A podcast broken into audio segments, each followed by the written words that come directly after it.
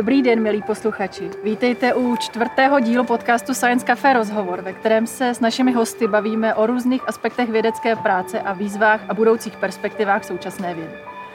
Moje jméno je Tereza Mašinová a je mi ctí vás podcastem provést. Poslední rok jasně ukázal, proč je důležité efektivně a srozumitelně komunikovat výsledky a závěry vědecké práce směrem k veřejnosti. A právě o vědecké žurnalistice a popularizaci vědy si budeme na dnešní procházce po Pražské harfy povídat s mými dnešními hosty Lenkou a Ondřejem Vrtiškovými. Zatímco Lenka se v redakci deníku N věnuje zejména rozhovorům s vědci a osobnostmi kulturního života, Ondřej je šefredaktorem populárně naučného časopisu Vesmír. A společné příjmení není náhoda. Jsou to totiž manželé. Ahoj, Lenko, Ondro. Ahoj. Ahoj. Cesta každého z vás k vědecké žurnalistice a popularizaci vědy vedla úplně jinou cestou. Můžete nám ji přiblížit? Já myslím, že by měl začít Ondřej, protože na té cestě byl daleko dřív než já. Já jsem se k ní dostala, až jsem ho potkala na té cestě. Já si tady budeme půl hodiny dávat přednost. Eh, no dobře, tak eh, já jsem vystudoval biologii na přírodovědecké fakultě a jak jsem se nějak chýlil k závěru studie, tak jsem samozřejmě přemýšlel, co budu dělat dál. Eh, velmi rychle eh, jsem vytušil, že asi ze mě nebude špičkový vědec, protože jsem viděl kolem sebe eh, jiné lidi, kolegy, studenty, kteří byli mnohem dál a přemýšleli o tom jinak a měli nápady a já jsem věděl, že bych dost pravděpodobně skončil jako nějaký řadový buď zaměstnanec nějakého ústavu, kde bych dělal rutinní analýzy, nebo bych se nechal zaměstnat v nějaké firmě, kde bych opět dělal rutinní analýzy mm, vody jako hydrobiolog.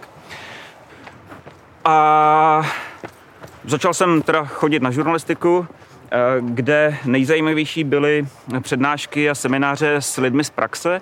A jedním z nich byl Petr Bílek, tehdejší šéf-redaktor Reflexu, eh, který že tehdy vydával Ringier, stejné vydavatelství, které vydávalo i časopis ABC a on věděl, že ABčko hledá přírodovědného redaktora, tak mi nějak domluvil zkusku v redakci a tím jsem se dostal do eh, časopisu ABC, kde jsem začal psát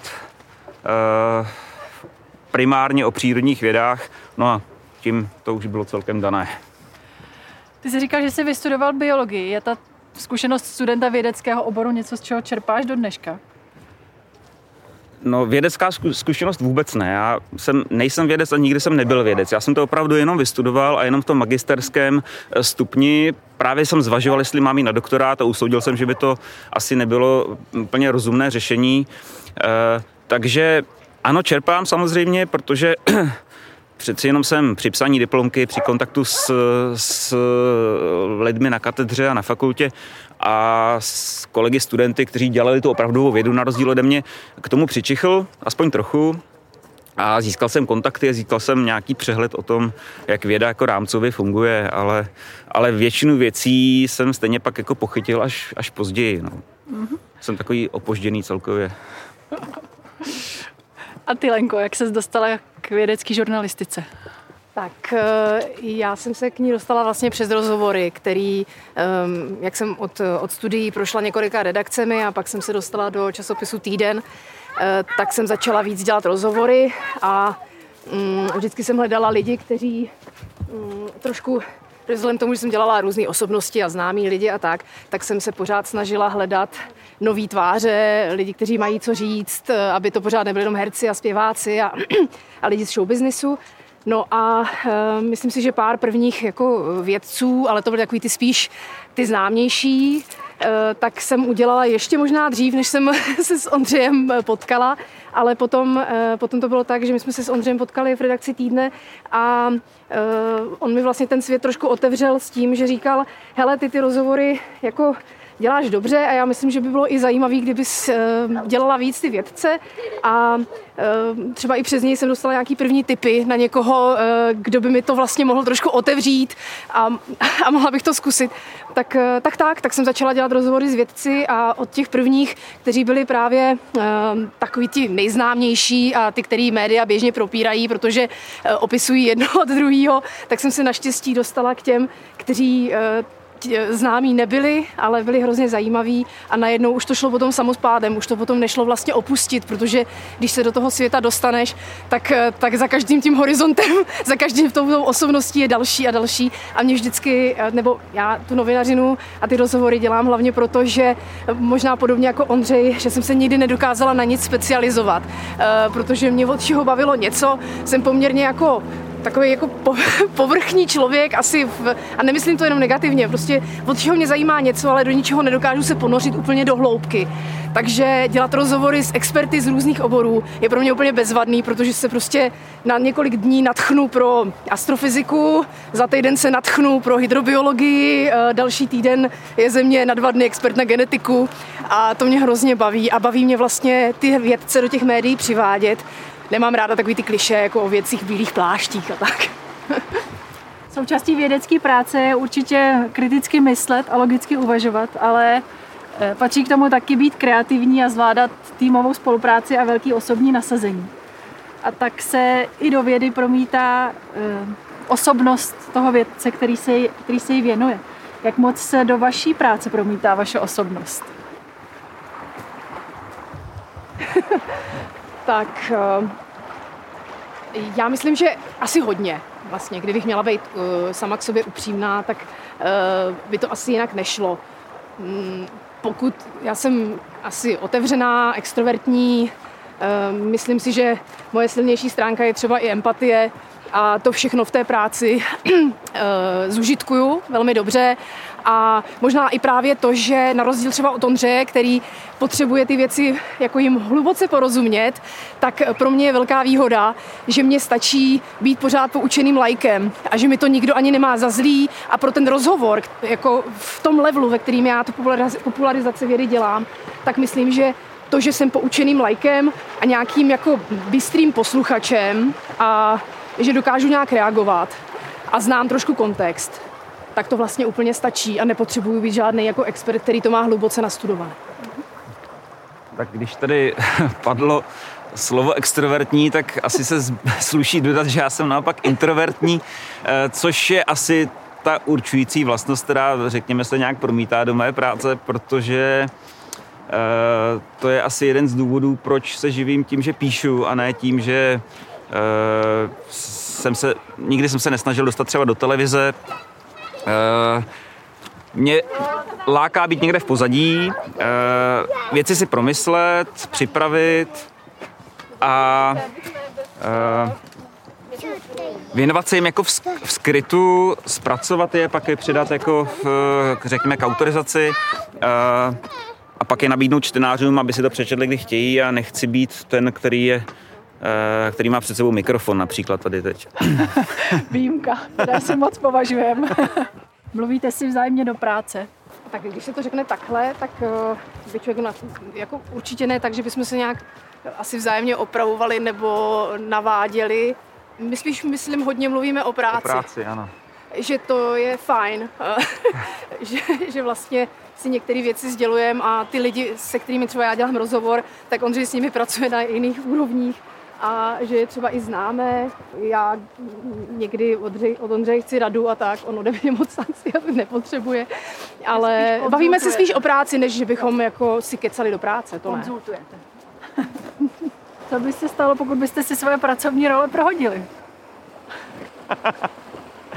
No, to by bylo velmi zajímavé, protože, jak jsem říkal, že jsem introvert a jak eh, Leňa zdůrazňovala, že její silnou stránkou je empatie, tak uh, já to teda s empatí asi úplně nepřeháním, takže moje rozhovory by byly strašně kožené a nikde bych se v nich nedostal tak hluboko, jako se Leně dostane. Neuměl bych ty lidi rozpovídat.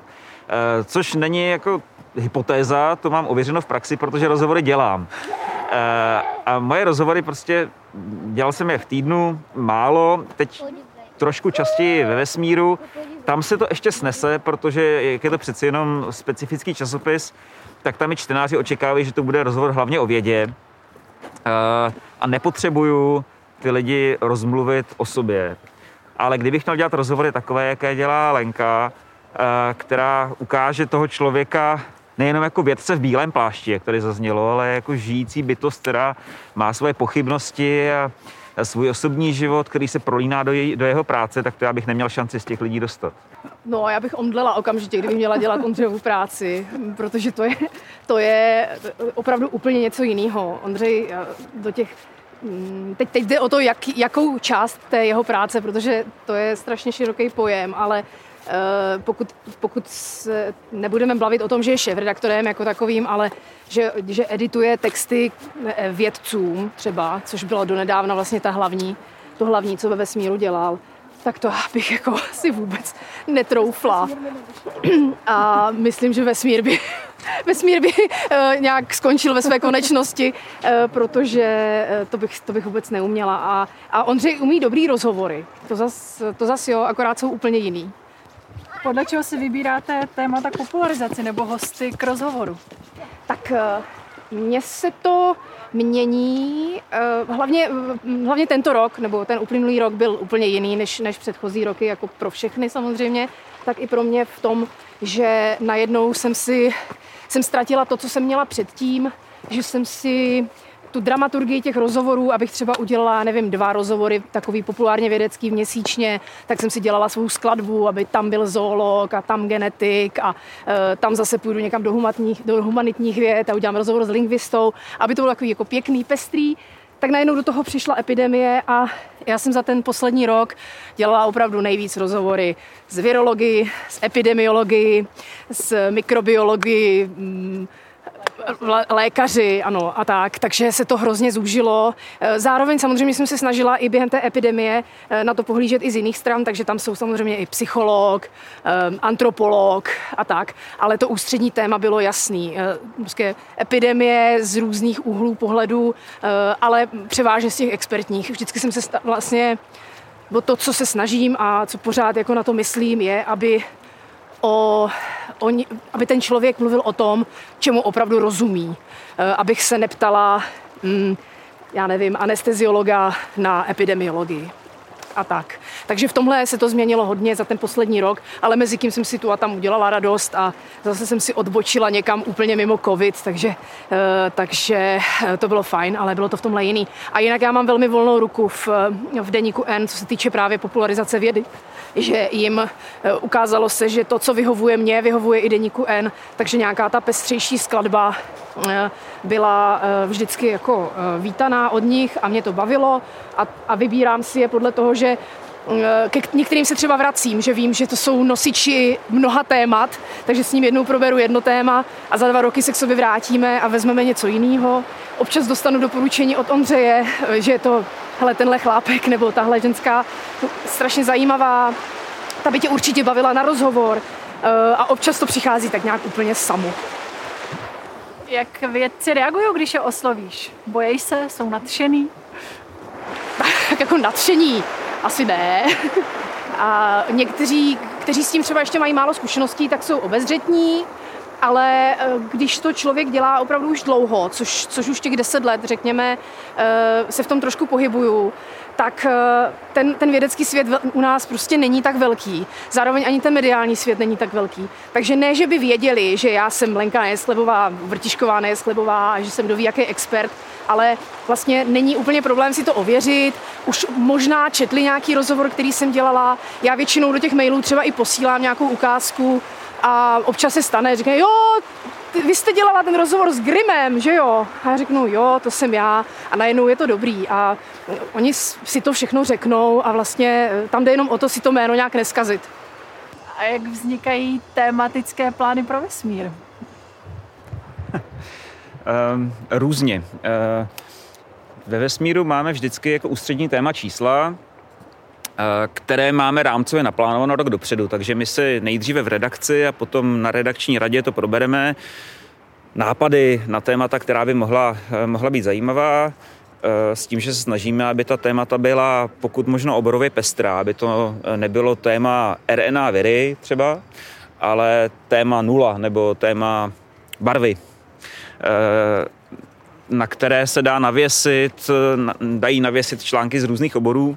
Protože ta oborová pestrost je jedna z věcí, které vesmír charakterizují, že to není jenom biologický nebo jenom fyzikální, chemický časopis, ale že představuje všechny vědy a to nejenom ve samostatných škatulkách, ale my se snažíme, aby se ty obory prolínaly. Mezi oborovost je jedna z, jako z důležitých faktorů, které v tom hrají roli. Pak samozřejmě do toho vstupuje eh, teda aktuální dění, takže samozřejmě v poslední eh, roce jako, jako všichni řešíme covid a snažíme se hledat témata, jak je to zpracovat pro měsíčník, což je něco jiného než spravodajský deník. Eh, témata, která když my něco vymyslíme, než to autor napíše, než to ve vesmíru vyjde, tak uplynou dva měsíce minimálně, takže témata, která i za to dva měsíce budou nadčasová. hodně témat nám přichází samo. jednak vědci sami nabízejí články, možná, možná polovina, možná i víc než polovina článků, které ve vesmíru vycházejí, vznikly tak, že nám opravdu vědci sami napsali, jestli bychom měli zájem o, o nějaké téma. No a potom z debat eh, jednak na redakční radě a jednak to, jak se člověk potkává s vědci, kteří vždycky ho někam nasměrují. Když um, se ozve, ozve nový autor, tak nejenom, že od něj máme zajímavý článek, ale velmi často se ukáže, že má kolegu, který dělá trochu něco jiného a upozorní ho na nás nebo nás na něj a najednou zjistíme, že se nám otevírá úplně svět, o kterém jsme netušili a na který bychom nepřišli, kdybychom jenom seděli v redakci u počítače. Takže eh, tohle nevnímám jako, jako problém.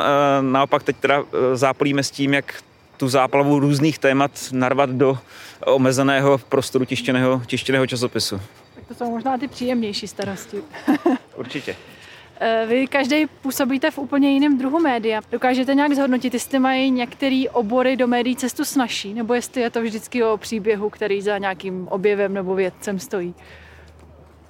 No, Myslím si, že se to mění, že eh, v posledních letech už mnohem víc v médiích, i v populárních médiích, eh, v časopisech a tak eh, dostávají prostor i chemici, genetici, mikrobiologové a ty obory, které možná ze začátku každému, kdo, kdo by, by z lifestyleových médií byl tomu tématu vystaven, tak by se toho třeba leknul.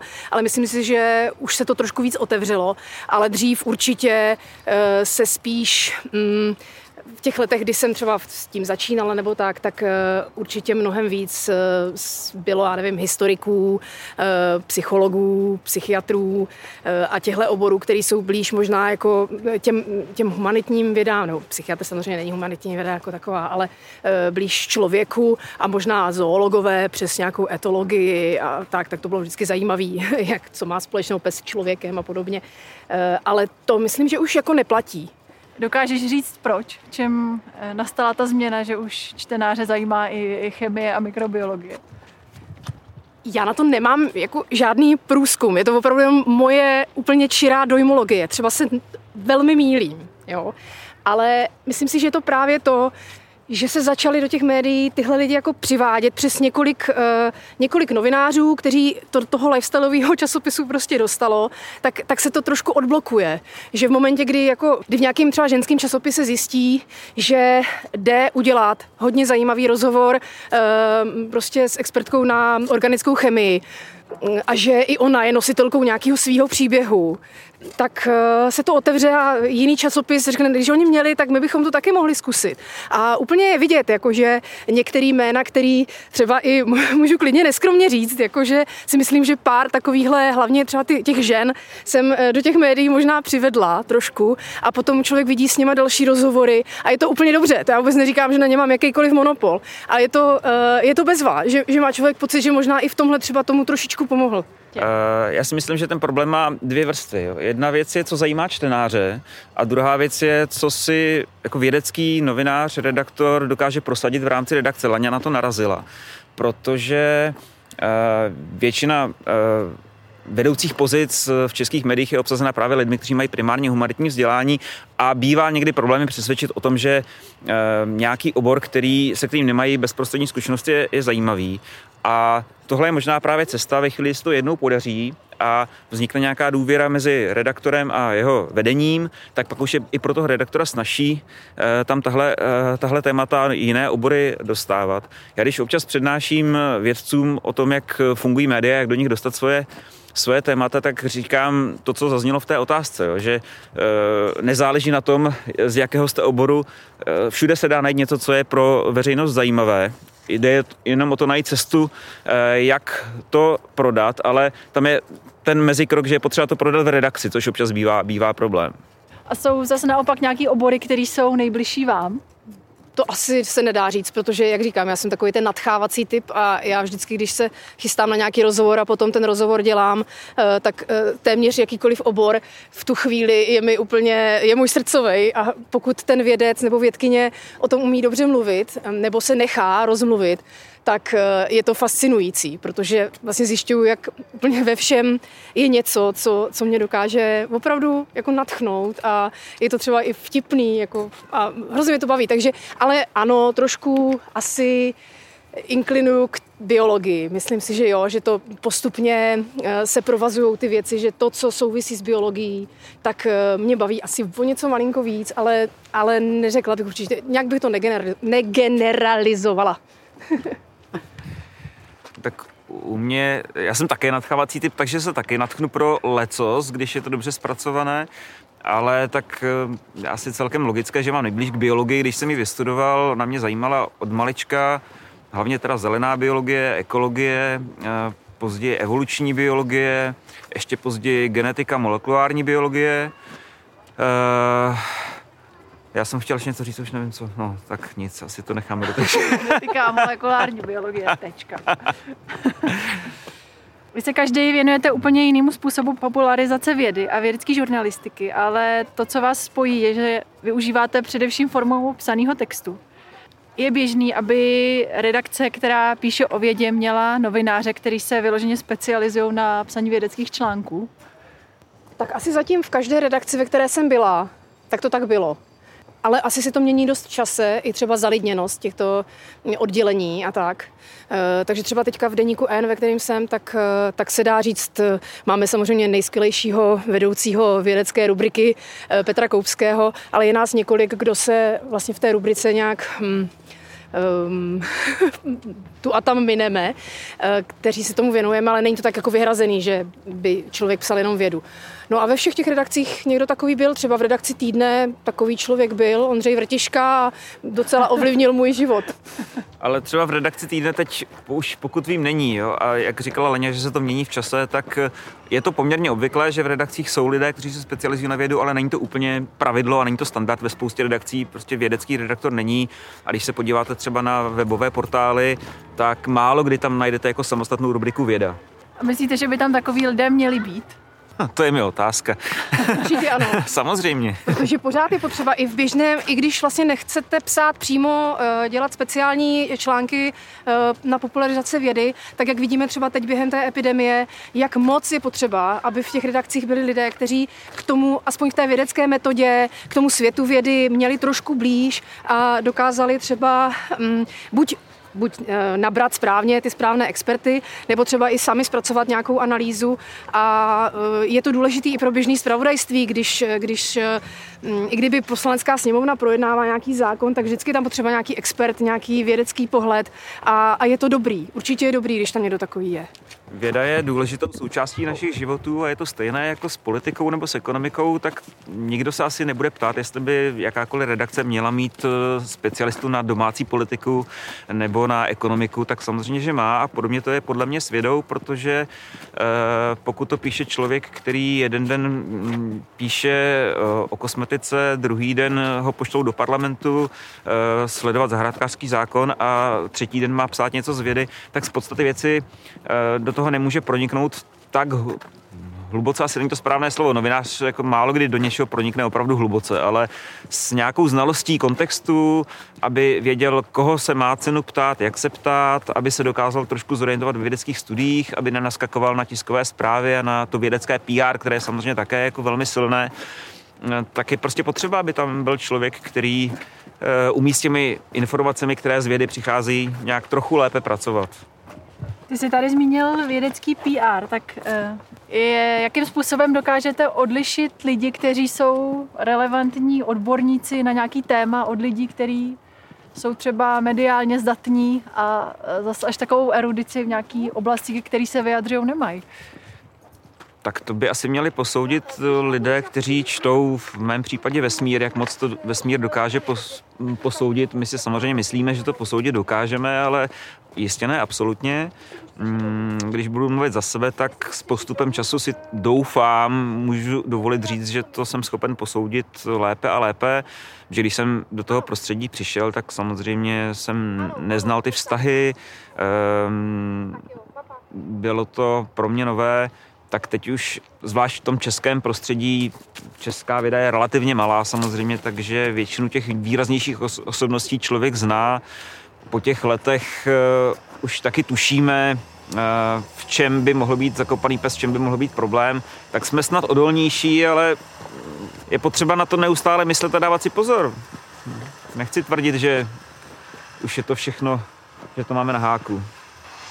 Já myslím, že poslední covidový rok byl určitě pro českou žurnalistiku docela dobrou školou. Změní, myslíte, že se změní jako její úroveň do budoucna? To bych si netroufla eh, rozhodně nějak věštit, ale myslím si, že díky tomu, že opravdu eh, během covidu eh, byli redaktoři, kteří třeba předtím ani o vědě nepsali, ale najednou prostě se stali covidovými autory a museli s těmi virology mluvit a museli prostě mluvit s, epidemi- s epidemiology a museli se občas podívat na nějakou studii a hledat si nějaký fakta, že k tomu třeba přičichnou a budou k tomu mít daleko blíž a, a třeba je to i zaujalo, ten, ten svět a e, dostanou se dál, tak jako kdysi třeba já přes několik prvních rozhovorů a několik prvních kontaktů s vědci. Takže v tomhle směru jako bych klidně e, byla velmi optimistik já myslím, že to platí obecně pro společnost, jo? pro veřejnost, pro lidi, kteří sedí ve vedení redakcí, e, protože to teď sledovali a stále sledují v přímém přenosu. To, že jeden expert tvrdí něco, druhý expert tvrdí něco jiného a my naživo vidíme, kdo z nich jako časem e, obstál a u koho se ukázalo, že byl úplně mimo všichni se naučili trošku lépe, řekněme, chápat statistiku, chápat exponenciálu, eh, chápat to, že z dat se dá vytáhnout, dají vytáhnout různé věci podle toho, co z nich člověk vytáhnout chce. Mm, takže řekněme taková jako obezřetnost eh, v zacházení s expertními názory a s těmi surovými daty, která, řekněme, třeba ministerstvo zdravotnictví každý den eh, aktualizuje, v tomhle směru myslím, že to pomohlo. Jestli to je nějaká paměťová stopa, která bude trvalá, mm, si netroufám odhadovat, bylo by to asi fajn, byl by to jeden z pozitivních důsledků té šlamastiky, ve které jsme. A co jste si z posledního covidového roku po pracovní stránce odnesli vy? No, to, že se mi hrozně stýská zase po té velké pestrosti. A jaká je radost vždycky k tomu odbočit. A, takže tohle, to, myslím si, že tenhle rok nám dal uh, spoustu těšení, což je taky dobrý.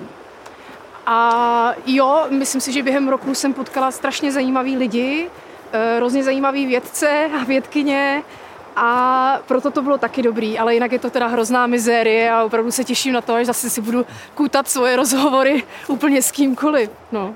To asi můžu jenom podepsat a v kontextu vesmíru prostě nás to ještě víc donutilo uvažovat o tom, jaká je vlastně role vesmíru v portfoliu těch médií, která v České republice fungují právě proto, že jsme měsíčník s dlouhými výrobními lhůtami a tohle je věc, kterou, mm, nebo téma, které samozřejmě nemůžeme opominout, do vesmíru patří, ale zároveň nemůžeme jet na té spravodajské bázi, takže prostě nás to víc ještě vyškolilo v hledání způsobů, jak psát o aktuálních věcech tak, aby byly aktuální po dvou měsících. Lenko, ty jsi zmiňovala těšení, tak eh, plánujete do budoucna nějaký nový projekty, třeba i společný?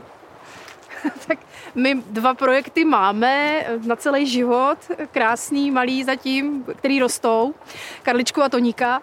Eh, třetí projekt v tomto směru už asi neplánujeme a společný projekt uvidíme. Zatím nic takového není, eh, asi se nechystá, pořád se trošku prolínáme, ale že bychom asi na něčem dělali společně, to se nerýsuje, ale já bych se teda nebránila. Tak uvidíme, co, co vám budoucnost přinese. Uh, uvidíme, no, tak ano, uh, bude to spíš tak, že budoucnost něco přinese, než, uh, nebo možná leně, ale já asi nic nepřinesu, protože já jsem rád, že jsem rád. A um, prostě pro mě je teď důležitý nějak se postarat o to, aby vesmír se nějak rozvíjel, abychom dotáhli věci, které máme rozdělané, abychom se za ten časopis nestydili, aby samozřejmě přežil v nějaké standardní kvalitě, kterou od nás čtenáři očekávají. Letos slavíme 150 let, tak je to zavazující a úplně mi nezbývá kapacita na to vymýšlet nové projekty, které by vyžadovaly nějakou jako soustavnější práci. Bylo by to krásné, ale není to teď asi na pořadu dne. Tak ať se vesmír dál rozpíná a já vám moc děkuji za rozhovor. Děkujeme. My děkujeme. A děkuji i všem, kdo nás poslouchali. Pokud se vám podcast líbil a chtěli byste nás podpořit v další tvorbě, budeme moc rádi za příspěvek na platformě darujme.cz. Science Café rozhovor vám můžeme přinášet i díky podpoře našich partnerů, společností LMC, MSD, nakladatelství Akademia, Slides Life, Lucky Labu a dnes mnohokrát zmiňovaného časopisu Vesmír. Science Café je síť popularizačních večerů, které v různých městech po celé České republice přináší poznání z různých vědních oborů. Více o něm najdete na webu www.sciencecafe.cz.